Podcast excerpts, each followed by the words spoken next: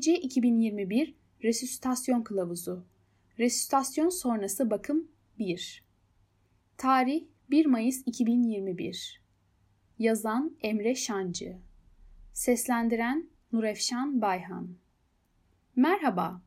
Bu yazıda ERC tarafından yayınlanmış olan 2021 Resüsitasyon Kılavuzu'nun 7. kısmı olan Resüsitasyon sonrası bakım bölümünün ilk yarısını özetleyeceğiz.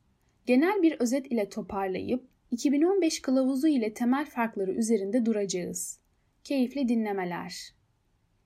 Resüsitasyon sonrası bakım Avrupa Resüsitasyon Konseyi ve Avrupa Yoğun Bakım Tıbbı Derneği 2020 Uluslararası Kardiyopulmoner Resüsitasyon Bilimi ve Tedavi Önerileri konsensüsüne dayanan bu resüsitasyon sonrası bakım kılavuzlarını yetişkinler için hazırlamak için işbirliği yaptı. Kapsanan konular arasında kardiyak arrest sendromu, oksijenasyon ve ventilasyon kontrolü, hemodinamik hedefler, koroner reperfüzyon, hedeflenen sıcaklık yönetimi, nöbetlerin kontrolü, rehabilitasyon ve uzun vadeli sonuçlar yer almaktadır. Bu kılavuz, resüsitasyon sonrası bakım ile ilgili 2015 ERC kılavuzlarına göre nispeten az sayıda büyük değişiklik içermektedir. Temel değişiklikler arasında nöromüsküler bloke edici ajanların kullanımı, stres ülseri profilaksisi ve beslenme gibi genel yoğun bakım yönetimi hakkında rehberlik, nöbetlerin tedavisi hakkında daha fazla ayrıntı, prognostik algoritmada değişiklikler, taburculuk öncesi fiziksel ve fiziksel olmayan bozuklukların fonksiyonel değerlendirmelerine daha fazla vurgu yer almaktadır. Resütasyon sonrası bakım 2021 5 önemli mesaj 1. Spontan dolaşımın geri dönmesi sonrasında ABC yaklaşımını kullanın. İleri hava yolu uygulaması, uygun olduğunda trakeal entübasyon, oksijen saturasyonu %94 ila 88 olacak şekilde oksijeni titre et ve normokapne olacak şekilde ventilasyonu sağla. İntravenöz ulaşımı sağla, normovolemiyi sağla, hipotansiyondan kaçın. 2. Kardiyak orijin şüphelenen ve EKG'de ST segment elevasyonu olan kardiyak arrest hastaları için acil kardiyak kateterizasyon önerilir. 3. Hastane dışı ya da hastane içi kardiyak arrest hastalarında hedeflenmiş sıcaklık yönetimini kullan. 4. Nörolojik öngörü için klinik değerlendirme, elektrofizyolojik biomarkerlar ve görüntüleme kullanın. 5. Fiziksel ve fiziksel olmayan bozuklukları hastaneden taburculuk öncesi ve sonrası değerlendirin ve gerekliyse rehabilitasyona yönlendirin. Kardiyak arrest nedeninin teşhisi Solunum veya nörolojik bir nedenin erken tespiti, hastaneye yatışta, koroner anjiyografiden önce veya sonra beyin ve göğüs BT taraması yapılarak gerçekleştirilebilir. Nörolojik veya solunumla ilgili bir nedeni düşündüren belirti veya semptomların yokluğunda veya miyokardiyal iskeminin klinik veya EKG kanıtı varsa önce koroner anjiyografi yapılmalıdır. Bunu koroner anjiyografinin kardiyak bir neden tanımlamada başarısız olması durumunda BT taraması takip eder. Resüsitasyon sonrası bakım Yazımızın bu bölümünde resüsitasyon sonrası bakım algoritması bulunmaktadır. Dilerseniz sitemizden yazımıza girerek inceleyebilirsiniz. Hava yolu ve solunum Spontan dolaşımın dönüşünden sonra hava yolu yönetimi Spontan dolaşımın geri dönmesi sağlandıktan sonra hava yolu ve ventilasyon desteğine devam edilmelidir.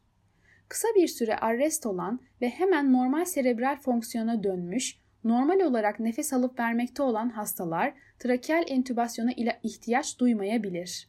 Ancak trakeal kan oksijen satürasyonu %94'ün altındaysa yüz maskesi yoluyla oksijen verilmelidir. Spontan dolaşımın geri dönmesini takiben komada kalan veya sedasyon ve mekanik ventilasyon için başka bir klinik endikasyonu olan hastalar entübe edilmelidir. Trakeal entübasyon sadece yüksek başarı oranına sahip deneyimli operatörler tarafından yapılmalıdır. Trakeal tüpün yerleşimi dalga formu kapnografisi ile doğrulanmalıdır. Resüstasyon ve oksijenasyonun kontrolü Spontan dolaşımın geri dönmesinden sonra arteriyel oksijen satürasyonu veya arteriyel oksijenin kısmi basıncı güvenilir bir şekilde ölçülebilene kadar %100 oksijen kullanın. Spontan dolaşımın geri dönmesinden sonra oksijen satürasyonu güvenli bir şekilde ölçülebildiğinde veya arteriyel kan gazı değerleri elde edildiğinde %94-98'lik bir arteriyel oksijen satürasyonu veya 75-100 mm civalık arteriyel kısmi oksijen basıncı elde etmek için solunan oksijeni titre edin. Spontan dolaşımın geri dönmesini takiben hipoksemiden kaçının. Spontan dolaşımın geri dönmesini takiben hiperoksemiden kaçının. Ventilasyon kontrolü Mekanik ventile edilen hastalarda arteriyel kan gazı elde edin ve entidal karbondioksit kullanın. Spontan dolaşımın geri dönmesinden sonra mekanik ventilasyona ihtiyaç duyan hastalarda ventilasyonu normal arteriyel kısmi karbondioksit basıncını hedefleyecek şekilde ayarlayın. Hedeflenen sıcaklık yönetimi ile tedavi edilen hastalarda hipokapni meydana gelebileceğinden normal arteriyel kısmi karbondioksit basıncını sık sık takip edin. Hedeflenen sıcaklık yönetimi sırasında ve daha düşük sıcaklıklar kan gazı değerlerini ölçmek için sürekli olarak bir sıcaklık veya sıcaklık düzeltmesi yaklaşım kullanın. 6-8 ml bölü kilogram tidal hacmi hedefleyen bir akciğer koruyucu ventilasyon stratejisi kullanın. Dolaşım Koroner reperfüzyon Acil kardiyak kateterizasyon laboratuvarı değerlendirmesi, EKG'de ST yükselmesi olan kardiyak kaynak şüpheli kardiyak arrest sonrası spontan dolaşımın geri döndüğü yetişkin hastalarda yapılmalıdır. Hastane dışı kardiyak arrest sonrasında EKG'de ST yükselmesi olmayan spontan dolaşımı geri dönen hastalarda yüksek ihtimal ile akut koroner tıkanma düşünülüyorsa acil kardiyak kateterizasyon laboratuvarı değerlendirmesi düşünülmelidir. 2015 kılavuzunda kardiyak arrest için yüksek riski olan hastalarda spontan dolaşımın geri dönmesi sonrası acil kardiyak kateterizasyon açısından değerlendirmek mantıklıdır. 2021 kılavuzunda ise hastane dışı arrestlerde EKG'de elevasyon olmayan spontan dolaşımın geri döndüğü hastalarda tahmini yüksek akut koroner tıkanma olasılığı varsa acil kardiyak kateterizasyon laboratuvar değerlendirmesi düşünülmelidir. Randomize kontrollü bir çalışma, acil koroner anjiyografiye alınan EKG'de ST elevasyonu olmayan hastane dışı VF kardiyak arresti hastaları arasında 90 günlük sağ kalımda fark göstermedi. Son ESC kılavuzları hastane dışı kardiyak arrestten sonra ST segment elevasyonu olmayan ve başarılı bir şekilde resüsite edilip hemodinamik olarak stabil hastalarda acil anjiyografinin aksine gecikmeli olarak düşünülebilir demektedir. Hemodinamik izleme ve yönetim Sürekli kan basıncı ölçümleri için tüm hastalar bir arteriyel line ile izlenmelidir ve hemodinamik olarak stabil olmayan hastalarda kardiyak debinin izlenmesi mantıklıdır. Altta yatan herhangi bir patolojiyi saptamak ve miyokardiyal işlev bozukluğunun derecesini ölçmek için tüm hastalarda erken ekokardiyografi yapılmalıdır. Hipotansiyondan kaçının. 33 derecedeki hedeflenen sıcaklık yönetimi sırasında kan basıncı, laktat, SCVO2 veya SVO2 uygun düzeyde ise bradikardi tedavi edilmeden bırakılabilir. Uygun düzeyde değilse hedef sıcaklığı artırmayı düşünün. Hastanın intravasküler hacim, vazokonstrüksiyon veya inotropi ihtiyacına bağlı olarak sıvılar, nöradrenalin ve veya dobutamin ile perfüzyonu sürdürün. Arrest sonrası rutin olarak steroid vermeyin.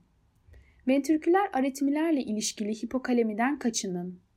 Sıvı resüstasyonu, inotroplar ve vazoaktif ilaçlarla tedavi yetersizse kalıcı kardiyojenik şok için mekanik dolaşım desteğini düşünün.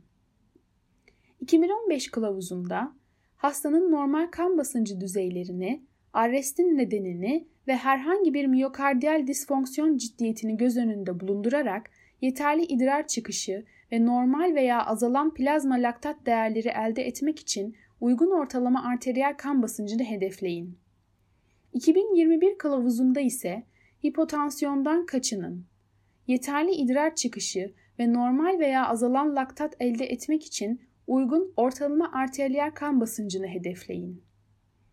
Çalışmalarda hipotansiyonun kötü sonuçlarla ilişkili olduğunu göstermiştir. Kan basıncı için bir eşik değeri belirtilmiş olsa da optimal ortalama arteriyel kan basıncı hedeflerinin kişiselleştirilmesi gerekebilir. Engellilik, nörolojik iyileşmeyi optimize etme. Nöbetlerin kontrolü. Kardiyak arrest sonrası nöbetler için sedatif ilaçlara ek olarak levatirasetam ya da sodyum valproat önerilir. Klinik konvülsiyonlu hastalarda elektrografik nöbetleri teşhis etmek ve tedavi etkilerini izlemek için elektroensefalografi kullanılması önerilir. Kardiyak arrest sonrası hastalarda rutin nöbet profilaksisinin kullanılmamasını öneriyoruz. 2015 kılavuzunda nöbetleri sodyum valproat, levatirasetam, fenitoin, benzodiazepinler, propofol veya bir barbiturat ile tedavi edin. 2021 kılavuzunda ise kardiyak arrest sonrası nöbetleri tedavi etmek için sedatif ilaçları ek olarak ilk basamakta levatirasetam veya sodyum valproatı öneriyoruz. Sıcaklık kontrolü Hastane dışı veya hastane içi kardiyak arrestten sonra spontan dolaşımın geri dönmesi sonrasında komada olan yetişkinler için hedeflenmiş sıcaklık yönetimi öneriyoruz. En az 24 saat boyunca 32 ila 36 santigrat derece arasında sabit bir hedef sıcaklığı koruyun. Komada kalan hastalarda spontan dolaşımın geri dönmesinden sonra en az 72 saat ateşten kaçının. Hipotermiyi başlatmak için hastane öncesi intravenöz soğuk sıvı kullanmayın. 2021 kılavuzundaki sıcaklık kontrolü önerileri 2015 kılavuzundaki gibi hastane içi dışı şoklanabilir ritim var yok olarak sınıflayıp farklı öneriler sunma durumundan vazgeçti. 2021 ERC kılavuzunda hastane içi ve dışı kardiyak arrestlerde ilk ritim ne olursa olsun başarılı resütasyon sonrası yanıt alınamayan yani komadaki hastalarda tüm kardiyak arrest hastalarına hedeflenmiş sıcaklık kontrolü öneriyor. Genel yoğun bakım yönetimi Kısa etkili sakinleştiriciler ve opioidler kullanın. Hedeflenen sıcaklık yönetimi uygulanan hastalarda rutin olarak nöromüsküler bloke edici bir ilaç kullanmaktan kaçının. Ancak hedeflenen sıcaklık yönetimi sırasında şiddetli titreme olması durumunda düşünülebilir. Kardiyak arrest hastalarında rutin olarak stres ülseri profilaksisi sağlayın. Derin venöz tromboz profilaksisi sağlayın.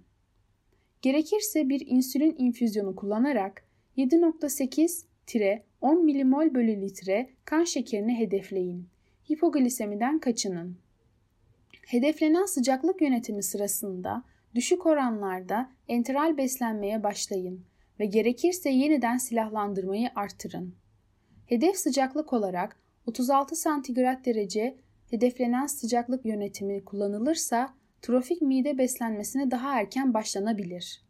Profilaktik antibiyotiklerin rutin olarak kullanılmasını önermiyoruz. ERC 2021 resüstasyon sonrası bakım için 2015 ve 2021 kılavuzları arasındaki en önemli fark genel yoğun bakım yaklaşımının bu kılavuzda daha detaylı olarak vurgulanmış olmasıdır. Dinlediğiniz için teşekkür ederim.